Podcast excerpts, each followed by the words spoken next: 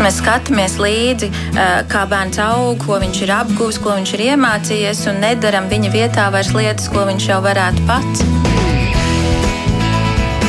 Mēs tiekamies ģimenes studijā.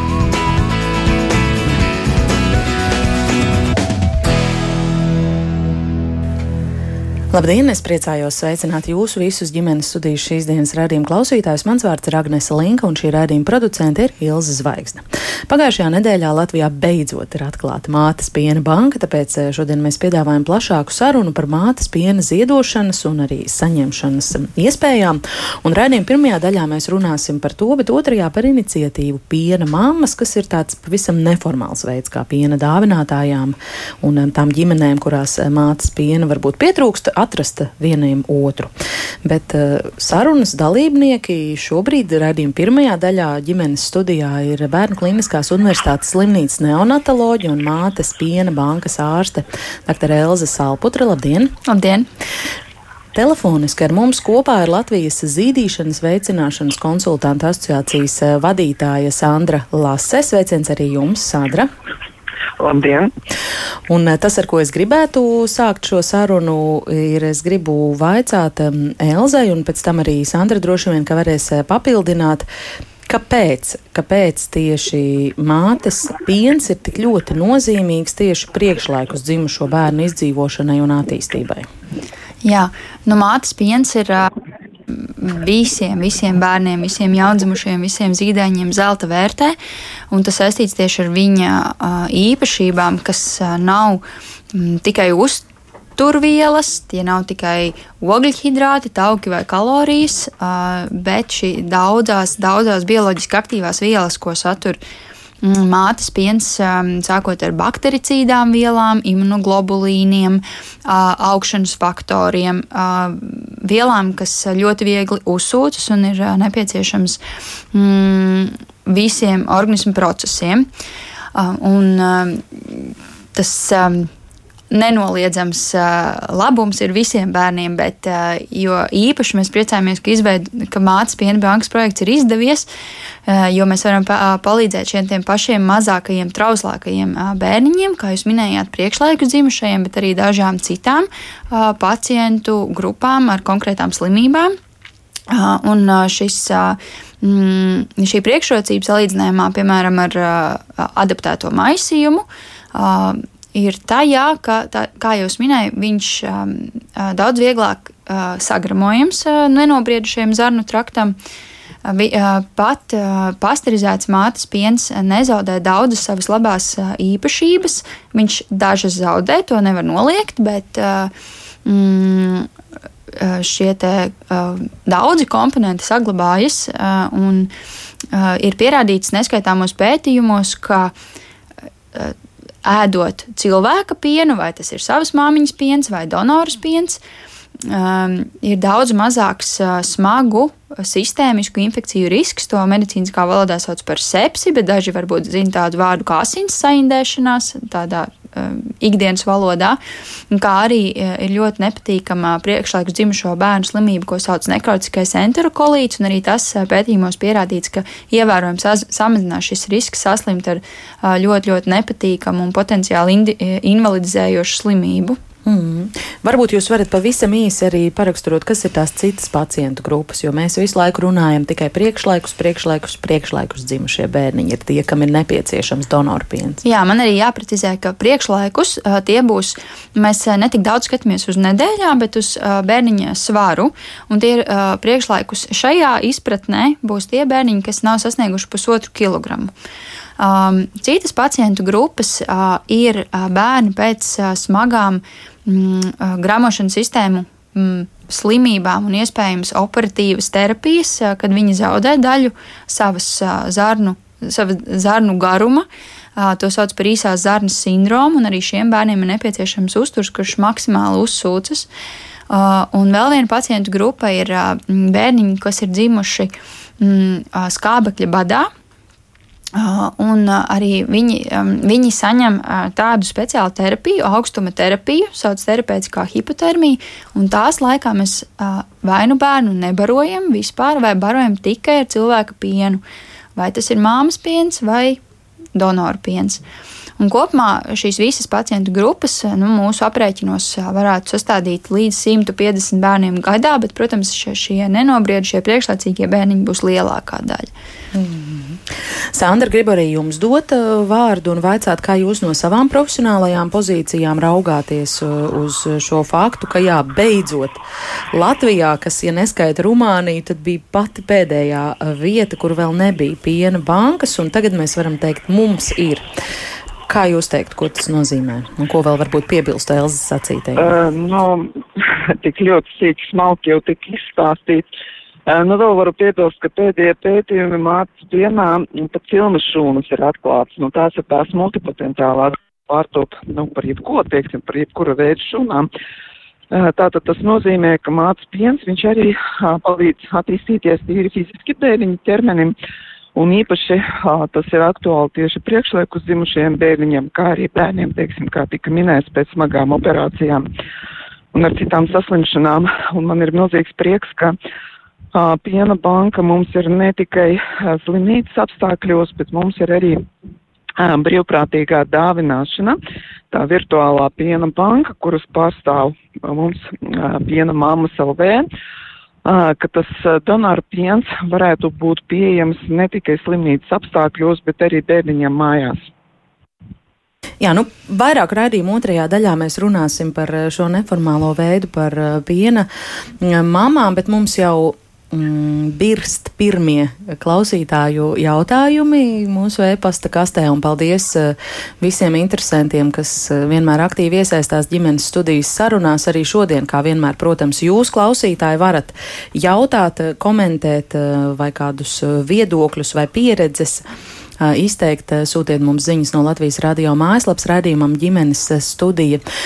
Mikus interesanti, jā, ka vīrietis interesējās par to, kādi tad ir piena bankas nosacījumi, projekta apstākļi. Viņš raksta, ka viņu interesē informācija par šo piena bankas projektu, lai arī ir minēts, ka nepieciešams mīnus 20 grādu augstums, taču plaši lietojamie leduskapi un mājas saldētavas uztur tikai mīnus 17,6 grādu augstumu. Mēs pārbaudījām ilgstoši ar specializētu termometru, cik svarīga ir šī temperatūras starpība, no kurienes ir ņemta informācija, ka nepieciešams tieši mīnus 20 grādi, vai tomēr der arī mīnus 17. Eh, jā, viņš saka paldies par informāciju un piebilst, ka plāno piedalīties eh, šajā procesā. Taču, protams, gribētos, lai tiktu izpildīti visi noteikumi, lai mazuļiem tiktu tikai kvalitatīva mm, pārtika. Kāds tad vispār ir tas process, kā tas šobrīd Elze ir um, organizēts, mm -hmm. ja mēs runājam par bērnu slimnīcas piena banku? Jā, nu, ja no sākuma, tad no sākuma mums jau šobrīd, kā jūs sakat, birst pieteikumi no mamām arī mūsu e-pasta kastē. Un mūsu mājaslapas elektroniskajā anketā, kur var atrast piena banka.bkus.lv, tur ir sadaļa vēlos ziedot pienu, un tā, tālāk jāizpilda pieteikuma anketa kur bez vārdu, uzvārda un adreses, kas mums ir svarīgi pieminēšu bišķiņu vēlāk, kāpēc.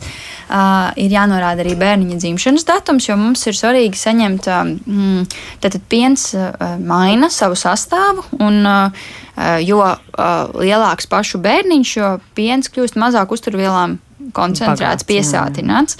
Un, tādēļ mēs, ja bērniņam vecums tuvojas jau gadam, desmit mēneši un uz augšu, tad ļoti iespējams, ka diemžēl šādu pieniņu nevarēsim pieņemt, jo tas nebūs vairs optimāls mūsu vismazākajiem bērniņiem. Tad, kad mamma būs aizpildījusi šo anketu, tad uh, es vai kāda, kāds no citiem piena bankas darbiniekiem, ārstiem sazināsies ar mammu un piedāvās tikšanās laiku. Un šajā pirmajā tikšanās vizītē, kas ir klātienē, tiek veikta tāda smalka, skrupuloza anketēšana par mammas veselības stāvokli. Bet nu, no tā nobīties nevajag. Ārsts tur blakām sēž un uz visiem jautājumiem palīdz atbildēt. Jā, pēc šīs anketēšanas ir skaidrs, ka mamma būtu ļoti labs donors, tad tālāk mēs viņai lūdzam nodot asins paraugu, lai izslēgtu biež, biežas ļaunas infekcijas slimības, piemēram, HIV, B un C hepatītus, sifilisu, ko daudz, visas mammas būs nodevušas arī grūtniecības laikā, bet, nu, protams, mums ir jāpārliecinās. Tad, kad šīs analīzes ir negatīvas, tad mēs ar mammu tiksimies otro reizi, un tad jau daudz sīkāk izrunāsim pašu procesu, kā to darīt, kā to kā atslaukt, kā to darīt maksimāli higiēniski. Jo mums ir jāizvarās, maksimāli jāizvairās no baktēriju piesārņojuma pieniņā. Māma saņems arī aprīkojumu, kur ir piena sūknis, pudelītes un temperatūras logeris, jeb termometrs, kas būs jāliek saldētavā, lai varētu fiksēt temperatūru mm, katru dienu lai mēs zinām, ka nekad nebija temperatūras pārāvums. Un šeit arī iestājas tie uh, liktenīgie mīnus 20 grādi, uh, no kurienes tie es zinu, ka uh, gandrīz visas saldētavas uh, ir noregulētas uz mīnus 18 grādiem, bet visa uh, dokumentācija, kas ir, uh, ko lieto arī citas piena bankas, visi pētījumi par piena uzglabāšanu, sastāvu, drošumu, uh, ir uh, validēti. Uh, veikti mīnus 20 grādu temperatūrā. Un, Atcaucoties uz šiem ļoti, ļoti plašajiem pētījumiem, arī ir šie mīnus 20 grādi. Un, protams, ir iespējams pārmērīt vēlreiz temperatūru ar mūsu termometru, bet ļoti iespējams, ka ja viņa leduskapis nevar sasniegt šos mīnus 20 pastāvīgi, tad nu, ir jāstāsta, vai, vai mēs varēsim sadarboties vai nē. Jo īslaicīgi, ja ir kaut kāda temperatūras paaugstināšanās, pat līdz mīnus vienam grādam, ja tas ir īslaicīgi un piens nav atkusis un pien, nekas jauns nav noticis, tad, tad tas ir viss kārtībā. Bet šeit ilgajai uzglabāšanas temperatūrai ir jābūt mīnus 20. Mm. Tas nozīmē, ka ja Latvijā būs tikai 1% mājsaimniecību, kuriem ir 20 grādi, nevis 17,6 eh, leduskapī saldētavā, kā Mikus saka, tad, tad lielais vairums tiešām nevarēs piedalīties nu, donorēšanas ja mēs, procesā. Ja mēs redzēsim, ka, ka tā ir tiešām problēma un ka lielākā daļa cilvēku nevar nodrošināt šos apstākļus, iespējams mums nāksies kaut ko pārvērtēt. Jā. Pārvērtēt, mm. mainīt lietas, bet nu, šobrīd, kamēr, mm, kamēr mēs uzsākam darbību un mēs vēlamies, un tai ir jābūt maksimāli drošai, perfektai procedūrai, kas ir vajadzīgs tiem mazākajiem bērniņiem, pašlaik ir tādi noteikumi. Mm. Varbūt īsi vēl Elza par to, kāda mamma ir labs donors. Jūs pieminējāt šādu vārdu. Nu, tad es, kā jau minēju, mamma, kurai bērniņš ir aptuveni līdz desmit mēnešu vecumam. Māma, kurai nav kaitīgo ieradumu, Mama, kura nesmēķē, mama, kura nelieto pārlieku daudz alkohola. Es neveicinu alkohola lietošanu, bet kādu glāzi vīna drīkst atļauties. Mama, kura nedzer vairāk kā trīs krūzes kafijas dienā bez chroniskām slimībām. Dažas slimības ir akceptējamas, tāpēc es noteikti negribētu, ka man šis sakāmais atbaida māmas, kurām ir kādas slimības. Tās visas mēs tajā pirmajā intervijā izvērtēsim, izrunāsim, kādus medikamentus māmas lieto, ja, jo daži medikamenti ir atļauti ziedošanas procesa laikā. Um, mamma, kura, kurai ir tik daudz piena, ka viņas pašas bērniņš aug griezdamies un paliek pāri. Tā, citās valstīs piena bankas pat iesaka tādu praksi, ja jūs vēlaties, ja jūs domājat, apsverat ziedošanu, papra, pamēģināt divas, trīs nedēļas vienreiz dienā paslaukt pienu un saprast, vai jums tiešām ir tie liekie mililitri. Mums nebūs nekāds ierobežojums, cik mililitrus mēs grib, gribam katru dienu no māmiņas saņemt. Tie var būt 20, 30 uh, mililitri. Bet droši vien jau vairāk, jo racionālāk. Protams, ir, bet, bet ja mā, māmiņas vēlēsies, mēs varam ņemt arī mazus mililitrus, maz mililitru, bet viņiem ir jābūt katru dienu. Mm -hmm. Sandra, gribu lūgt jūs atkal pieslēgties un pakomentēt, nu, kā tad īsti mammai zināt, manam bērnam piena pietiks, es varu mēģināt, gribu ziedot un varu mēģināt iesaistīties šajā procesā. Uh, nu, ja mamma zīda bērniņa pēc pieprasījuma, viņš uh, labi pieaug svarā, labi aug attīstās, mm, mamma tiešām var pamēģināt uh, reizi dienā atslaukt. Uh, atklāt varbūt labāk uzreiz, teiksim, nevēlāk kā stundu pēc bērniņa barošanas, Jo tas būs tieši atlikums. Nevajadzētu atsaukt tieši pirms bērniņa barošanas, tāpēc, ka nu, tad sanāk, ka mēs atsaucām krūtis, tā jau viņas tukšas nav nekad. Bet, nu, tomēr, nu, tāpēc, ka piena sekrecija notiek zīšanas laikā. Bet, nu, tomēr, ja tas uzkrātais apjoms tika atslaukts, bērniņš var būt neapmierināts, ka viņam drusliņi pietrūkst. Uh, īstenībā uh, daudz mammas, viņas arī veido tādas savas uh, bankas mājās, nu, tādu strateģisko rezervi, nu, teiksim, ja nu kaut kur jāiet prom no mājām vai vēl kaut kā, nu, lai būtu tas sasaldēts pieniņš leduskapī. Uh, tāpēc kaut kāds tur neliels daudzums, kādi 50-60 ml dienā, nu, nevajadzētu tādā veidā bērnam pietrūkt. Ir jau mammas, kuras mierīgi var atsaukt arī 100 ml vienā reizē, vienā piegājienā. Tas ir diezgan individuāli. Tāpēc vispār, ja bērns labi pieaug svarā, labi attīstās, mēs varam būt droši, ka viņam piemiņa pietiek. Mhm. Kā tur bija ar to uh, sākuma pienu, kurš ir ūdeņaināks, un to dziļo beigu uh, pienu, kas ir it kā uh, treknāks? Tā bija patiesība vai mīts atgādiniet, lūdzu, un vai šādā situācijā nesanāk es savu bērnu uh, zīdu un pabaroju ar to saldo cukurēno, ogļhidrātēno pieniņu, un, un, un dziļumā paliek tas labākais, ko es pēc tam atslaucu un nododu piena bankai. Nu, tas nav gluži mīts, piena sastāvs tiešām mainās gan vienas ēdināšanas laikā, gan arī diennakts laikā. Uh, bet, uh, nu, nav tāda konkrēta robeža, ka reku šeit mums ir sākuma piens un te mums ir tā saucamais beigu piens, kas ir treknāks. Uh, vispār, jo mammai vairāk krūts uzkrāja pienu, jo straujāk ir tā plūsma, nu, jo vairāk būs drusciņi izteikts tas tā saucamā sākuma piena efekts. Bet īsnībā arī šis pieniņš ir ļoti vērtīgs un eh, arī ar šo pieniņu mm, bērniņš labi pieņemās svarā. Un ja mēs runājam par tur vienu atsaukšanas rēģīti dienā, tad nekādā veidā tas nekaitēs piena sastāvam. Un arī, teiksim, mamas, kurām krūtis īpaši m, mm, to pienu neuzkrāja, ir tādas krūtis kā kamiņas, ja tādas kārtīgas, un arī mamma vienmēr pēc ēdināšanas jūt, ka viņas iztukšojas. Ir tādas krūtis, kur man vispār visu laiku uztraucās un šaubās, ir viņai piens vai nav viņai piens. Tas otrs tips tās ir kā reizes krūtis, kas uh, neuzkrāja, nav tas iekšējais tilpums, uh, bet tur piena sekrēcija notiek zīšanas laikā. Un šādās krūtīs tas piens vispār viņš ir diezgan viendabīgs, tur vispār tā saucamā sākuma piena efekts nav izteikts. Elzi, jums būtu kaut kas par šo vēl piebilstams tāds būtisks? Um, Tikai tas, ka um, tad, kad mm, visticamāk mammas lauks priekš mums, priekš piena bankas uh, vienā es tā iedomājos, ka tā ir visērtāk vienā dienas laikā.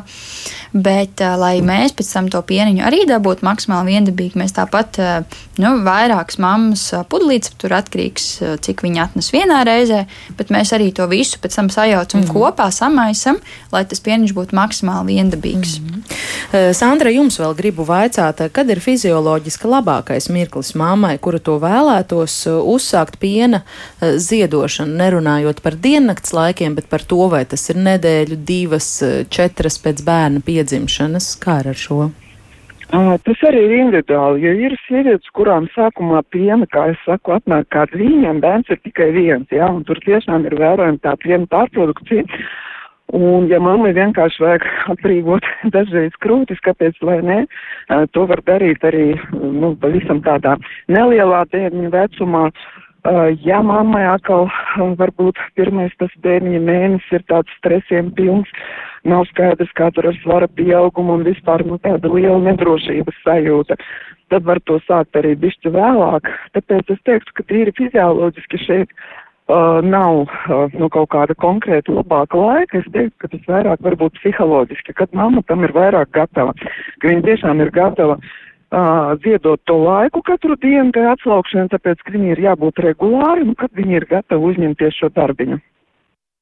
Nu jā, jo tas nav nevienas dienas, nedz arī vienas uh, nedēļas mm, pasākums, un uh, par to, ko tas īsti prasa no pašas uh, sievietes, tieši par to šobrīd mūsu sarunā iesaistīsies vēl kāda dalībniece. Megana ir viena no šīm pašām, pašām pirmajām bērnu slimnīcas piena bankas donorēm. Viņa šobrīd jau savās mājās ievāc pienu vairākas nedēļas un veic visas nepieciešamās darbības, lai tas drīzumā arī nonāktu slimnīcas krātuvē, protams, caur laboratoriju. Un, tā tā tālāk, bet Megan piekrita pastāstīt ģimenes studijai savu pieredzi, un interesanti, ka viņa dzīvo Latvijā pavisam nesen, neilgi. Viņas vīrs ir um, Amerikas Savienoto Valstu diplomāts, un ar visu ģimeni viņi ir ieradušies šeit, un mm, tad par visu pastāstīs viņa pati paklausīsimies. I started donating milk back in 2020 following the birth of my first daughter. Ziedot pienu es sāku 2020. gadā, kad piedzima mana pirmā meita. Tas bija Covid laikā, pandēmija bija pārņēmusi mūsu dzīvi, un es sāku piena ziedošanu, lai pārvarētu savu negatīvo dzemdību un pēcdzemdību pieredzi un sajūtas.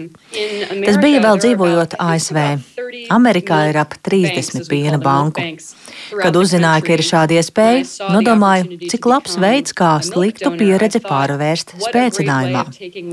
Dot pienu mazuļiem tā ir superspēja un palīdzība ne tikai bērniem, bet arī mamām un ģimenēm, kas piedzīvo grūtus laikus. Mums ar vīru ir paveicies. Esam svētīti ar divām veselīgām meitiņām. Jaunākā piedzima pirms dažiem mēnešiem šeit Rīgā.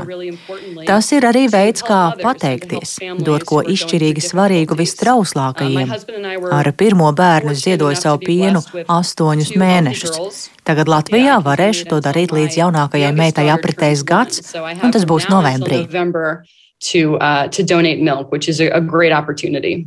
So Jūs jau esat pieteikusies un apstiprināta par piena donoru. Yes, yes, I actually believe I'm the first donor in, uh, in Latvian history. So, Jā, šķiet uh, būšu pirmā piena donora Latvijā. Tas ir īpaši ņemot vērā, ka te dzimusi mana meita. Priecājos, ka Rīgā tagad ir piena banka, kā mazuļiem un ģimenēm tā būs pieejama. Kad pati pirmo reizi kļuvu par mammu, atceros, bija tik daudz jaunu rūpju. Ja ir nodrošināts māte, mātes piens, tad tām mamām, kuru mazuļi ir piemēram intensīvajā terapijā, ir vismaz viena lieta mazāk, par ko satraukties. Zināt, ka bērns ir labi pabarots, tā ir dāvana, ko vēlos viņām dot. Cik sarežģīti vai viegli tas ir praktiski izdarāms? Practically, it, it involves a bit of time. It involves uh, uh, time and Tas prasa laiku un uzmanību. Piens ir paredzēts maziem un ļoti vājiem bērniņiem. Visam jābūt atbilstoši tīram, pareizi sterilizētam, viss jāveic precīzi pa soļiem. Piena bankai ir daudz noteikumu, lai būtu drošība, ka piens ir augstas kvalitātes. Es pavadu daudz laika tīrot, bet beigu beigās tās nelielās nērtības ir to vērtas. Ir ļoti rūpīgi un pareizi piens jāatdzesē, jābūt pieejamai pietiekami stiprai saldētavai, lai piens būtu drošībā. Protams, ir dažādas prasības, bet ir vērts to darīt. Uh, but it's certainly worth it in the end. The first portions of your milk is already there. Vai pirmās jūsu piena porcijas jau ir bērnu slimnīcā? They're actually here at my house thus far because the way that it works Uh, and we're, we're learning as we're going, which is exciting to be one of the first. So Tās vēl ir šeit pie manis. Ir aizraujoši būt vienai no pirmajiem. Mēs mācāmies, kā to darīsim, uh, strādājam pie procesa. Piena banka dod donoriem noteiktu pudelīšu skaitu, tu vāc pienu 3-4 nedēļas, un tad pienu nogādā uz laboratoriju, kur notiek atkārtota tā pasterizēšana un analīzes. Mans piens turp ceļos tuvāko desmit dienu laikā. 10 days, I think. How does it feel to do it, to, to donate the milk, to collect Kāda ir sajūta to darot? I would say it's 99% delight and 1% Es teiktu, ka tie ir 99% prieka un 1% satraukuma. Tu ieguldi daudz pūļu, lai būtu droša, ka piens ir pareizi atdzesēts, sasaldēts, ka viss ir bijis perfekti tīrs. Kad biju ASV, piens bija jāsūta pa pastu, jo slimnīca atradās ļoti tālu. Tās bija nemierīgas 48 stundas. Ja kaut kas ar sūtījumu noiet greizi, ir liels zaudējums. Taču, neņemot vērā uztraukumus, tā ir laime un lepnums, ka vari dot tādu ieguldījumu, kas ir tik vērtīgs un ko var sniegt tikai neliela daļa cilvēku. Kā jau teicu, ziedot pienu ir superspēja, kas piemīt tikai dažiem, un piens glābi dzīvības. Ceru, ka meitas ar to leposies, kad izaugs. Un ziedošana arī nesamazina pašas bērnam nepieciešamo piena daudzumu. Absolutely, absolutely. Yes, this is it's that's important to note that this is excess. This is milk in excess. Nē, noteikti nē, to tiešām ir svarīgi saprast. Tas ir piens, kas man paliek pāri. Mana mazulīte pašlaik guļ diendusu. Bet, ja jūs viņu redzētu, tas ir viens laimīgs, tiešām apaļīgs bēbis. Ir būtiski sajust, ka pirmkārt ir paēdis tavs bērns. Dažreiz es atslaucu lieku reizi, bet šobrīd jau jūtu, ka mana meita ir pilnībā paēdusi, ka viņai pietiek. Attīstās intuīcija, un tu saproti, cik piena vari ziedot. Domājot par mamām, kas varētu ziedot pienu, iesaku katrai, kas vēl tikai apsver tādu iespēju, pamatīgi to izpētīt, jo tas ir tik ļoti nepieciešams. Un tas ir viens varens veids, kā atbalstīt ne tikai mazuļus, bet arī viņu mammas. Ņemot vērā, cik grūti mums gājas pandēmijas laikā, tagad ir jāsakopo spēki, lai viena otrai palīdzētu un mūsu mazuļi būtu pilnvērtīgi pabaroti.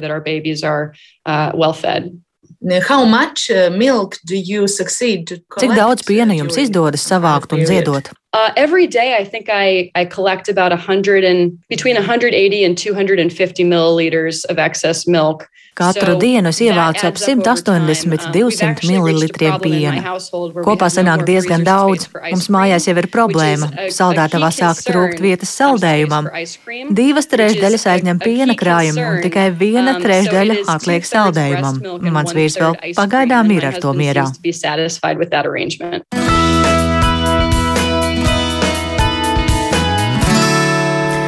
Tāds lūk, Meganas stāsts, un paldies, ka viņi dalījās ar to ar ģimenes studiju. Elza, vai vēlties ko piebilst, varbūt pakomentēt par viņas teikto? Jā, uh, Megana var neuztraukties, mēs drīzumā atbrīvosim viņas saldētavā vietu, jo uh, plāns mums ir tāds, ka uh, mēs paši brauksim uh, mūsu kurjeris, šofērs, bērns slimnīcas šofērs brauks pakaļ pieniņam. Un, eh, ja būs tādas ļoti, ļoti ražīgas mammas, tad uh, mēs pielāg, centīsimies pielāgoties mm. viņu tiem uh, apjomiem, grafikiem un um, varam ierasties arī uh, bieži pakaļ mm. pieniņam. Jā. Vai šobrīd varam teikt, ka donoras lūdzu piesakieties, vai arī ir tiešām liela mammu interese un jums jau šobrīd pietiek ar ko strādāt un sadarboties? Jā, kopš 24. mārta, kas ir oficiālais piena bankas atklāšanas datums, mūsu tā kastīte ir piebrūsi ar apmēram 50 līdz 60 ziedot gribētājām, kas Nu, mums izklausās pietiekami. Vēl neesam paspējuši atbildēt visām mamām. Es esmu uzrunājusi tikai god, godīgā ceļā, kurš pirmais brauc, tas pirmais maļ šīm te mamītēm. Un mēs šodien jau tiksimies, lai šo, veiktu šo pirmo interviju. Jāsaka gan, ka es noteikti, tas nenozīmē, ka nedrīkst vairs pieteikties. Laipni aicinu. Nevar jau zināt, cik tieši, no tām 50, 60 tiks Tieši tā, jo, jo, jo, jo šobrīd, lai gan neesam vēl oficiāli atbildējuši, nu, nāksies pagaidām dažām mamām sadarbību atteikt, piemēram, jo norādīts bērniņa dzimšanas gads 2020. Skaidrs, ka bērnam ir vairāk kā gads, un kā mhm. jau, kā jau es paskaidroju, šāds pieniņš nav optimāls mazajiem mm. cilvēciņiem. Tāpat pagaidām piena bankas sākumā mēs plānojam šo kurjeru, ka viņš varēs izbraukt Rīgā un Rīgas rajonā. Tāpēc man diemžēl būs jābēdina mammas, kas grib pieteikties no Skrundas, Ventspils vai citiem attālākiem Latvijas nu, apgabaliem, bet es gribu teikt, ka tas ir pagaidām, un cerams, ka diezgan drīz mm. mēs varēsim sadarboties arī um, ar šādiem ārpus Rīgas uh, dzīvojušiem cilvēkiem. Ja. Sandra, vai ko piebildīsiet, vai pastāstīsiet, par ko domājāt, varbūt Meganā klausoties viņas teiktajā?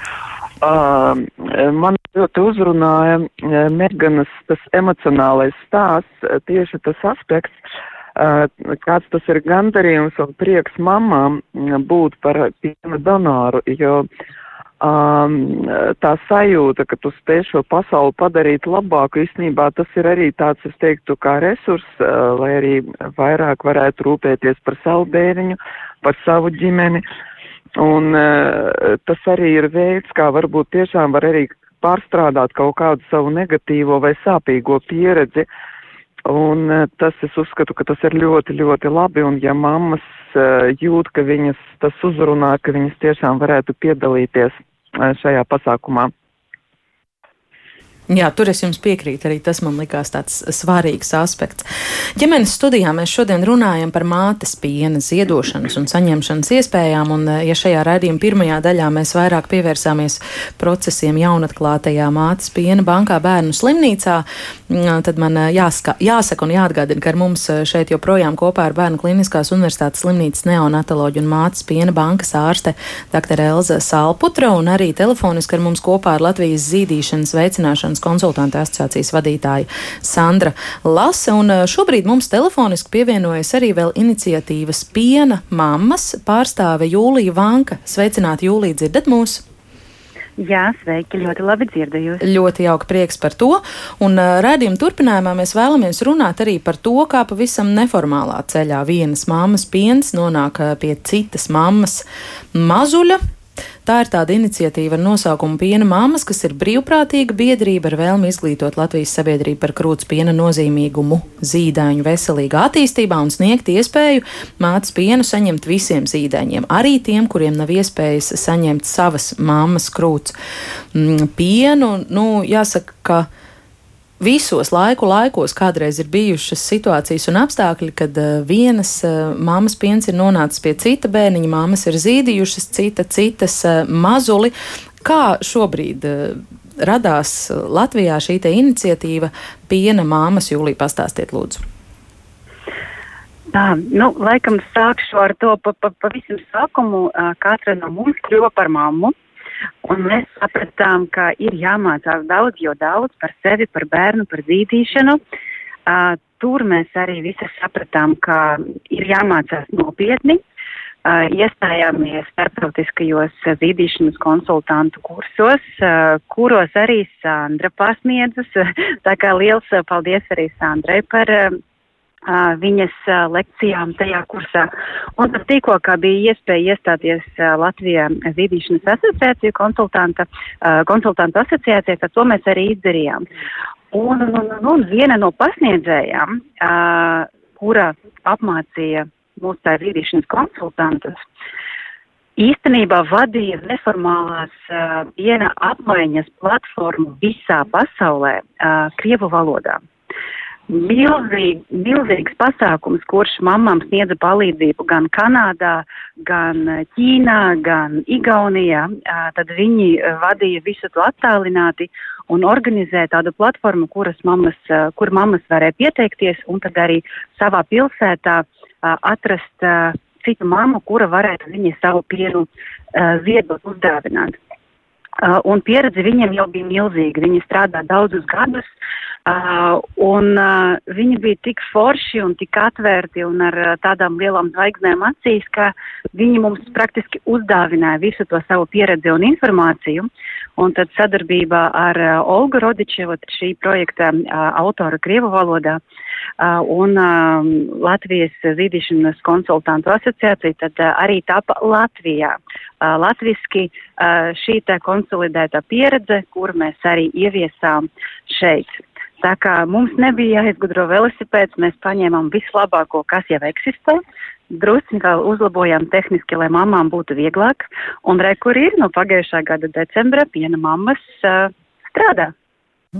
Par to tehnisko pusi un to, kā šis process tiek organizēts, vai jūs varat īsi izstāstīt?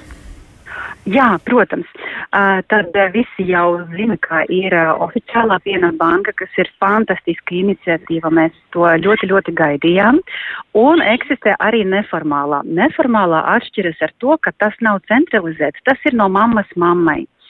Un pieņemsim gadījums, par kuru arī uh, doktora uh, Elza minēja, ka, piemēram, ir mamma no Vēnspils vai no Liepājas, kura gribētu savu pienu ziedot, bet, nu, nesanāk, tāpēc, ka attālu. Bet varbūt viņai, viņas pilsētā vai viņas apgabalā ir kāda mamma, kurai to pienu vajag. Un tad, eh, reģistrējoties mājaslapā pienamāmas LV, var izvēlēties savu pilsētu un paskatīties, vai pilsētā, kurā es dzīvoju, ir kāda mamma, kura ir gatava uzdāvināt savu pienu. Un ja gadījumā sanāk tā, ka viņi ir kaut kur kaimiņos, tad ir iespēja iepazīties, varbūt palūgt uztaisīt asins analīzes, vēl kaut ko saprast, tas ir mans cilvēks vai nav, un ja ir, tad arī paņemt viņas dāvanu. Kas ir tie piena meklētāji? Kādās situācijās tas eh, var būt noderīgi un vajadzīgi citām ģimenēm un, eh, un, un citiem mazuļiem, citas māmas piens? Nu, skaidrs, ka tie nav priekšlaikus dzimuši bērniņi, jo tie tad uh, vajadzības gadījumā ir bērnu slimnīcas aprūpē un saņem pieniņu no slimnīcas bankas. Kas ir tā Jā, jūsu auditorija? Uh, nu, protams, kā piemeklēt uh, zīdošo mammu un ne tikai zīdošo mammu, uh, tēt, tēvus un citus ģimenes locekļus var ļoti dažādas situācijas. Vienkāršākā var būt, nu, piemēram, kaut kādu apstākļu dēļ mammai sava piena trūkst. Nu, varbūt trūkst burtiski tur 200 ml dienā, lai savu bērnu pabarotu. Un uh, sadarbojoties ar kādu mammu no viņas rajona, viņa var šo nelielu daudzumu saņemt un tad savu bērniņu nodrošināt ar pilnu piena apjomu. Nu, tā kā mammas eh, sevis un arī citas mammas piena apjomu. Tas, eh, nu, tā kā tāds vieglākais gadījums.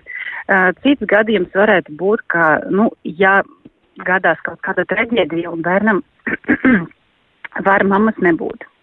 Paliek tētis vai oma. Un tad tur, protams, ka ir vēlas nodrošināt ar pienu, un tad kāda mamma var savu pienu uzdāvināt, vai vairākas mammas var sakooperēties un nodrošināt tādu mazuli ar cilvēku mammas pienu.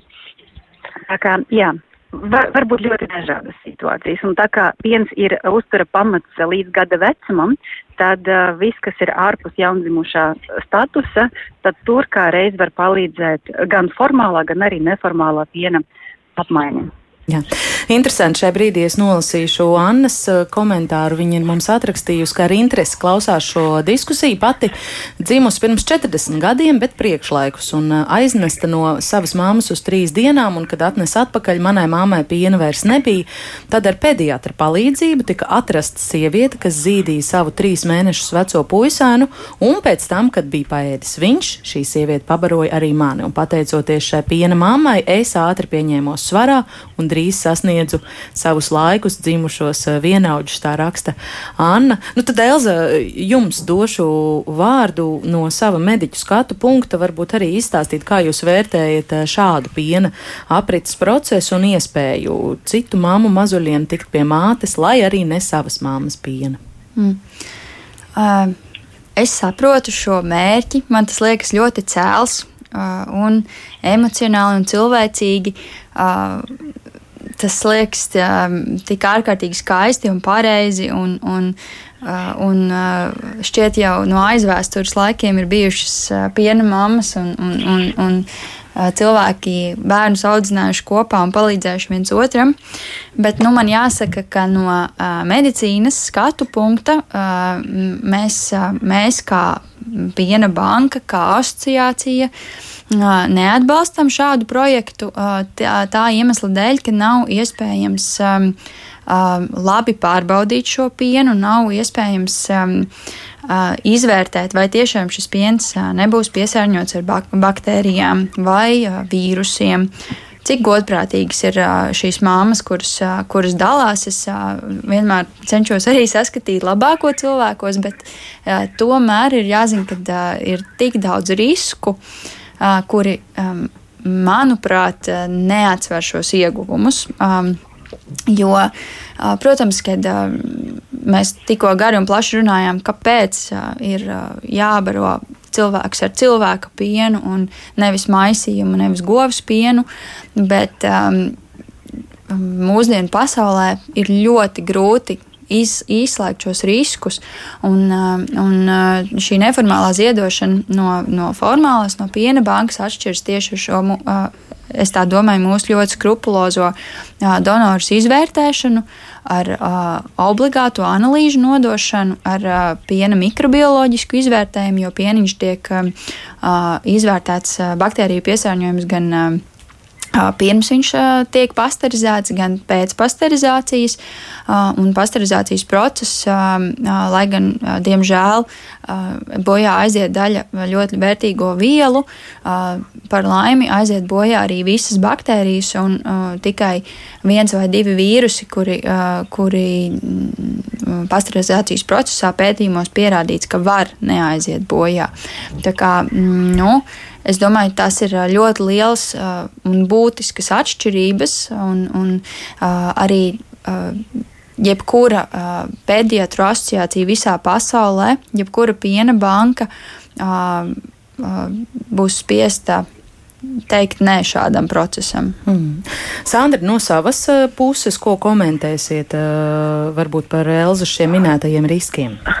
Nu, riski, protams, pastāv, tāpēc, ka tiešām nevar izvērtēt mm, otra cilvēka veselību tik precīzi, bet es drusciņi nepiekritīšu par uh, jebkuru pediātra asociāciju pasaulē, tāpēc, ka uh, brīvprātīgās piena bankas pasaulē pastāv jau diezgan sen.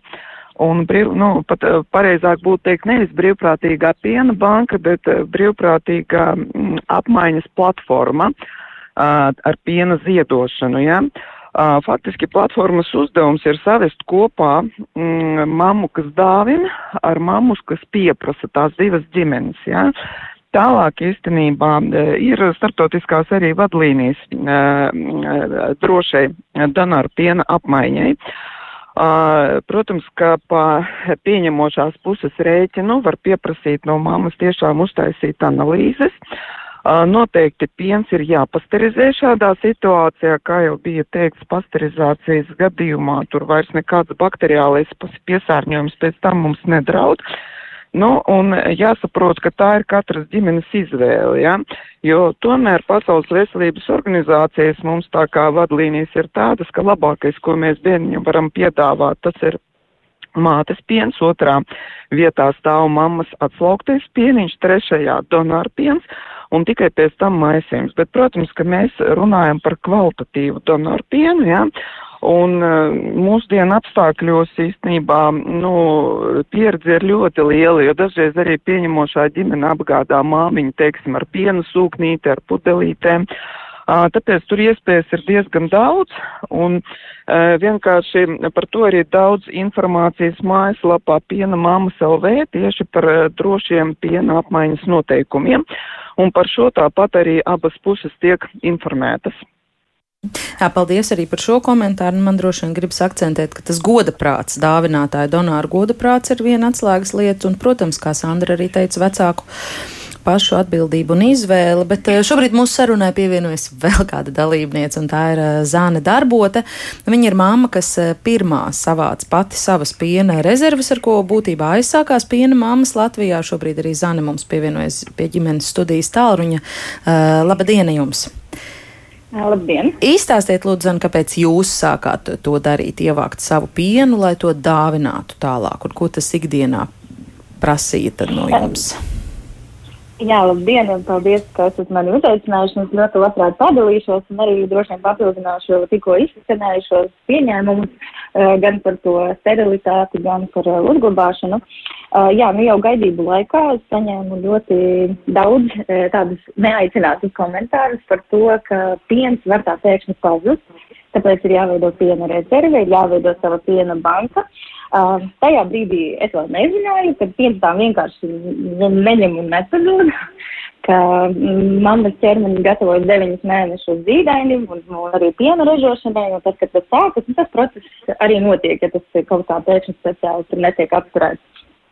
Jā, un līdz ar to, tad, kad uh, sāku dzīvīt savu bērniņu, uh, kamēr stabilizējās laktācija, man bija ļoti daudz pašai savu pienu, un bērniņš pieņēmās svarā lieliski. Uh, Un tā kā visu laiku man paklausīja bija tā doma par to, ka uh, jāgatavojas nebaltai dienai, ka kuru katru brīdi piens var vienkārši beigties. Uh, tad es, jā, es sāku atslēgt savu pienu, un man bija elektriskais punktīts, gan visas sēreli trauciņi, un uh, sāku atslaukt, un man bija kaut kāda perioda, kad tas sanāca uh, pat vienreiz dienā, kaut kādas divas, trīs nedēļas pēc kārtas. Un tad bija tādi mm, laktācijas stabilizējoties tādi tukšāki periodi, ja tā var teikt. Un, jā, un tad, tad pēc tam tā periodiski arī sanāca atslauks. Un tojoties bērniņa deviņiem mēnešiem, es sapratu, ka piena pietiek, bērniņam viss pietiek, bet nepietiek vietas saldētavā vairs. Un uh, es gribēju savu pieniņu uzdāvināt kādai mammai, jo es jau biju uh, apzinājusies, ko tas nozīmē gan bērniņu uzturam, gan arī to, cik ļoti, ļoti vērtīgs tas šķidrais zelts tas ir. Un es uh, sāku rakstīt dažādās māmiņu grupās, kurās es uh, pati tajā brīdī piedalījos, uh, saņēmu ļoti daudz komentārus, vairāk gan tādus negatīvus par tādu savu vēlmi, jo tie aizspriedumi sabiedrībā joprojām ir ļoti, ļoti spēcīgi.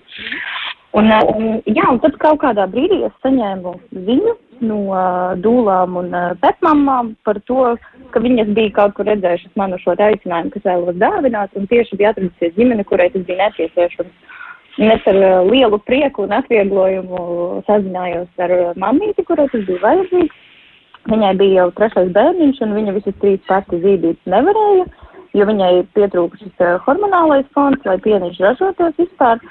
Un uh, viņa visas trīs jau bija barojusi ar donoru pienu. Un tajā brīdī vienkārši bija sanācis tā, ka, ka viņai trūkst un ka bērniņam nepietiek uzturs. Un uh, tajā brīdī bērniņam bija vajadzīgs viens litrs dienā. Tātad, nu, tas ir ļoti liels piena apjoms, kurš visu laiku ir jāievāc nu, no citām mamītēm. Visu laiku ir jāatrod, kura tad uh, dabūt šo pienu.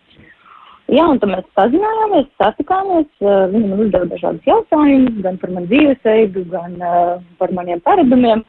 Mm, tiesa gan viņa man neprasīja veikt atsevišķu esmu analīzes, jo viņas tā pieredze bija ārkārtīgi veiksmīga jau ar trešo bērniņu. Un uh, jāsaka godīgi par to sterilitāti, ka nu, neviena mamma negribēs nesterili gatavot uh, to pienu banku un uh, atslaukt un uzglabāt pienu, jo tā doma jau bija tāda, ka es to daru priekš sava bērna, ka es to gatavoju sava bērna nākotnē. Un, protams, ka jau tajā brīdī, kad es sāku slaukt, es biju sameklējusi pietiekami daudz informācijas, kā to darīt sterili, kā to darīt pareizi. Uh, lai nu, nerastos nekāds uh, tāds potenciāli iespējamais apdraudējums manam bērnam. Līdz ar to es biju simtprocentīgi pārliecināta, ka tajā brīdī, kad es viedoju, es to daru godprātīgi, uh, ar eh, milzīgu laimes sajūtu un ka, nu, ka viss ir pareizi. Jā, Zana, mums nedaudz sāk trūkt laika, bet pašu galveno jūs pateicāt ar milzīgu laimes sajūtu, jo tas bija tas, ko es vēl jā. gribēju piemetināt un pavaicāt, jā, kāds tad tas uh, guvums. Varbūt pavisam ātri mēs varam vēl um, ar Sandras palīdzību atbildēt uz katras jautājumu, kas ir diezgan sen jau iesūtīts, bet tagad man šķiet ir pēdējais brīdis, ja pavisam tiešām pārsteigumos var. Viņa raksta bija situācija, ka jādodas neatliekamās darīšanās, un es savu pieniņu biju ielikusi saldētavā, lai konkrētajā dienā varu pabarot, var pabarot bērnu, bet pēc atcelšanās saldēšanas pieniņš izrādījās nav dzerams un ir rūkts. Varbūt kaut ko nepareizi biju izdarījusi. Labi, ka rezervē bija sausais piens. Paldies par atbildi. Saka, ka te Sandra varat tā pavisam koncentrēti. Jā, Kādās situācijās šādā mātes pienā ir fermenti, kas viņu pārstrādāt, un tāpēc dažreiz pieniņam sākas fermentācija, un tad mamma saka, atkausēts viņš pēc ziepēm smaržo vai vēl kā viena mamma un izteica pēc vēmekļiem smaržo, jā. Īstenībā tas piens, viņš nav sabojājies, nu, garš viņam arī var mainīties. Uh, protams, ja nav droši, labāk tādu pienu bērnam nedot, bet no šī pasargāja pieniņu uzcilt līdz 60 grādiem pirms uh, atdzesēšanas un sasaldēšanas, tad tā fermentācija tā nenotiek, bet dažām sievietēm tā gadās. Mm, paldies jums no Kates par atbildi. Jā, un visbeidzot, mūsu sarunai pievienosies vēl kāda mamma. Viņu sauc Kristīna, un Viņa ir mamma, kuras mazulis eh, sarežģītā brīdī eh, saņēma mātes eh, pienu, vienkārši pateicoties citu mammu dāvinājumiem, un Kristīna izstāstīs, kā tas bija viņas dzīvē un pieredzē. Sanāca tā, ka pēc dzemdībām man parādījās veselības problēmas. Bērnam nebija sasniegts mēnesis, un manī, diemžēl, aizveda steidzamā kārtā ar ātriem uz slimnīcu un uzreiz lika uz operāciju galda. Bērniņš palika viens pats mājās ar vīru, un piens nebija atslaukts, jo es nebiju gaidījusi, kad būs šāda situācija, negatavojos nekam tādam. Sazinājos ar savu vecu paziņu draugu Zani. Pavisam citā jautājumā, kā novērst bērnam emocionālo ja tā drīkst teikt, traumas, jo tomēr zīdainītim vēl nebija mēnesis un mamma ir projām vismaz uz nedēļu. Tad uh, izdiskutējām to jautājumu, un tad Zana vienkārši uzdeva elementāru jautājumu, kā mēs barosim. Un es uh, apmūsu, jo vīrs jau bija nopircis aptamilu, jo citādāk uh, veidi nebija kā pabarot zīdaini. Un tad Zana pastāstīja, ka ir šāda iniciatīva. Viņa vēl nebija publiskota, bet taču bija jau savākta tāda datu bāze ar mamām, kuras ir gatavas dalīties, gan mammas, kuras vēlas saņemt šo pienu. Tad tā arī sanāca, kad es gulēju slimnīcā, man Zana iedeva ļoti daudz kontaktus. Visas mammas bija ļoti, ļoti atsaucīgas. Un uh, atbrauc uz mājām palīdzēt bērna omīte, kura pieskatīja bērnu, kamēr vīrs sagādāja augstumsomu un tad devās pa visu Rīgu.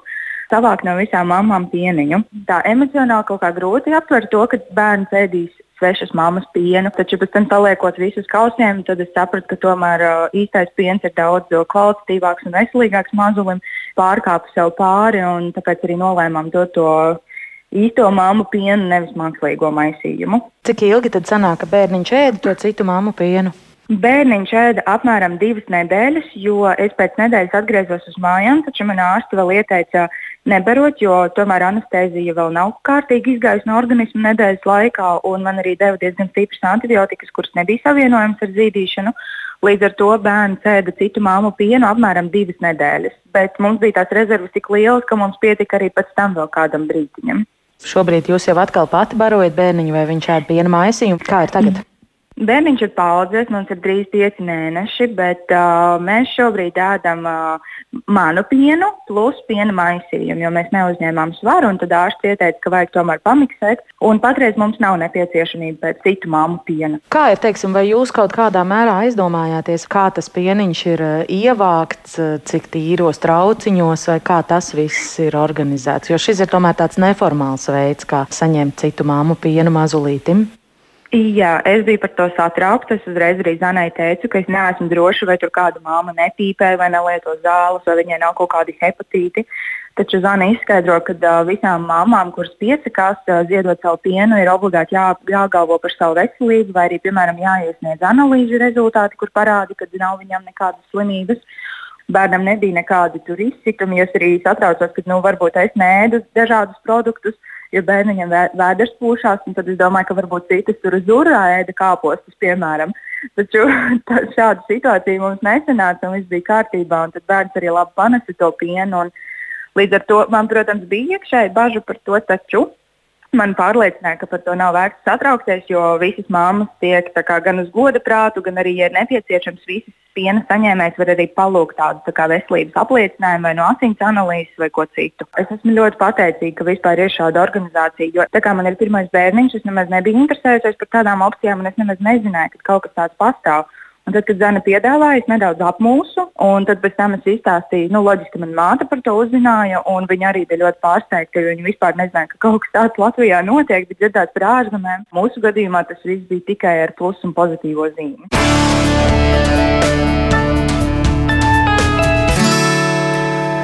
Tāds lūk, Kristīnas stāsts mums nepilni minūtiņa palikusi. Varbūt Elza, kāds jūsu komentārs vai rezumē par dzirdēto? Jā. Uh, nu, tiešām tāds kopsavilkums, kā es redzu šīs atšķirības, uh, kas man ļoti uh, arī es esmu iepazinusies ar piena mammas mājaslapu. Man pirmais, kas krīt acīs, ir platformas veidotāji un nenes atbildību par, par, par to, kā, kas notiek tālāk. Nu, jā, tā lielākā atšķirība ir, kad mēs pie, oficiālā piena bankā nesam pilnu atbildību par, par to, kā, kas notiek ar pienu, kas notiek pēc tam ar bērnu. Uh, Uh, bet, uh, kā jau kāda no uh, kolēģiem teica, kad um, nu, tas ir tāds sa, sa, piena neformālā ziedošana, ir tāda mm, sadarbība starp ģimenēm, un, un, protams, ka tā ir ģimenes izvēle. Un, ja pati ģimene, kas ir šī atbildības pati nesēja, uz, ir savus riskus izsvērusi, tad nu, tāds ir viņu lēmums. Mm -hmm. Jā, un man gribas no savas puses akcentēt, ka divi dažādi šie stāsti šodien ģimenes studijā, kurus mēģinājām salikt eh, kopā. Viens tātad par bērnu klīniskās universitātes slimnīcas piena bankas uh, tapšanu un atklāšanu, un otrs par piena māmu iniciatīvu. Paldies par sarunu ģimenes studijā. Es šodien teikšu neonatoloģijai un mana māca piena bankas ārstēja Elzai Salputrai, Latvijas zīdīšanas veicināšanas konsultanta asociācijas vadītāja Sandrai Lasei un telefona Ironiski, ka mums kopā arī bija piena māmas pārstāve Jūlija Vanka un mamma, kas vāc savu pieniņu zane darbot. Paldies, ka piedalījāties šajā sarunā ģimenes studijā. Radījumu šodien veidoja Ilza Zvaigzne, Una Gulbē un es Agnese Linka. Jā, un ar prieku var teikt, tīpaši tam kungam, kurš mums pārmeta šodien pārāk fizioloģisku un intīma temata cilāšanu radio ēterā, ka rīta ģimenes studijā mēs runāsim par to, kādā vecumā pieļaujams uzsākt hormonālās kontracepcijas lietošanu un kādiem mērķiem tā uzskatāma par piemērotāko, kādas tad ir jaunākās zinātnes atziņas par šo reproduktīvās plānošanas metodu gribat zināt. Speciālistu viedokļus atkal klausieties ģimenes studiju rīt.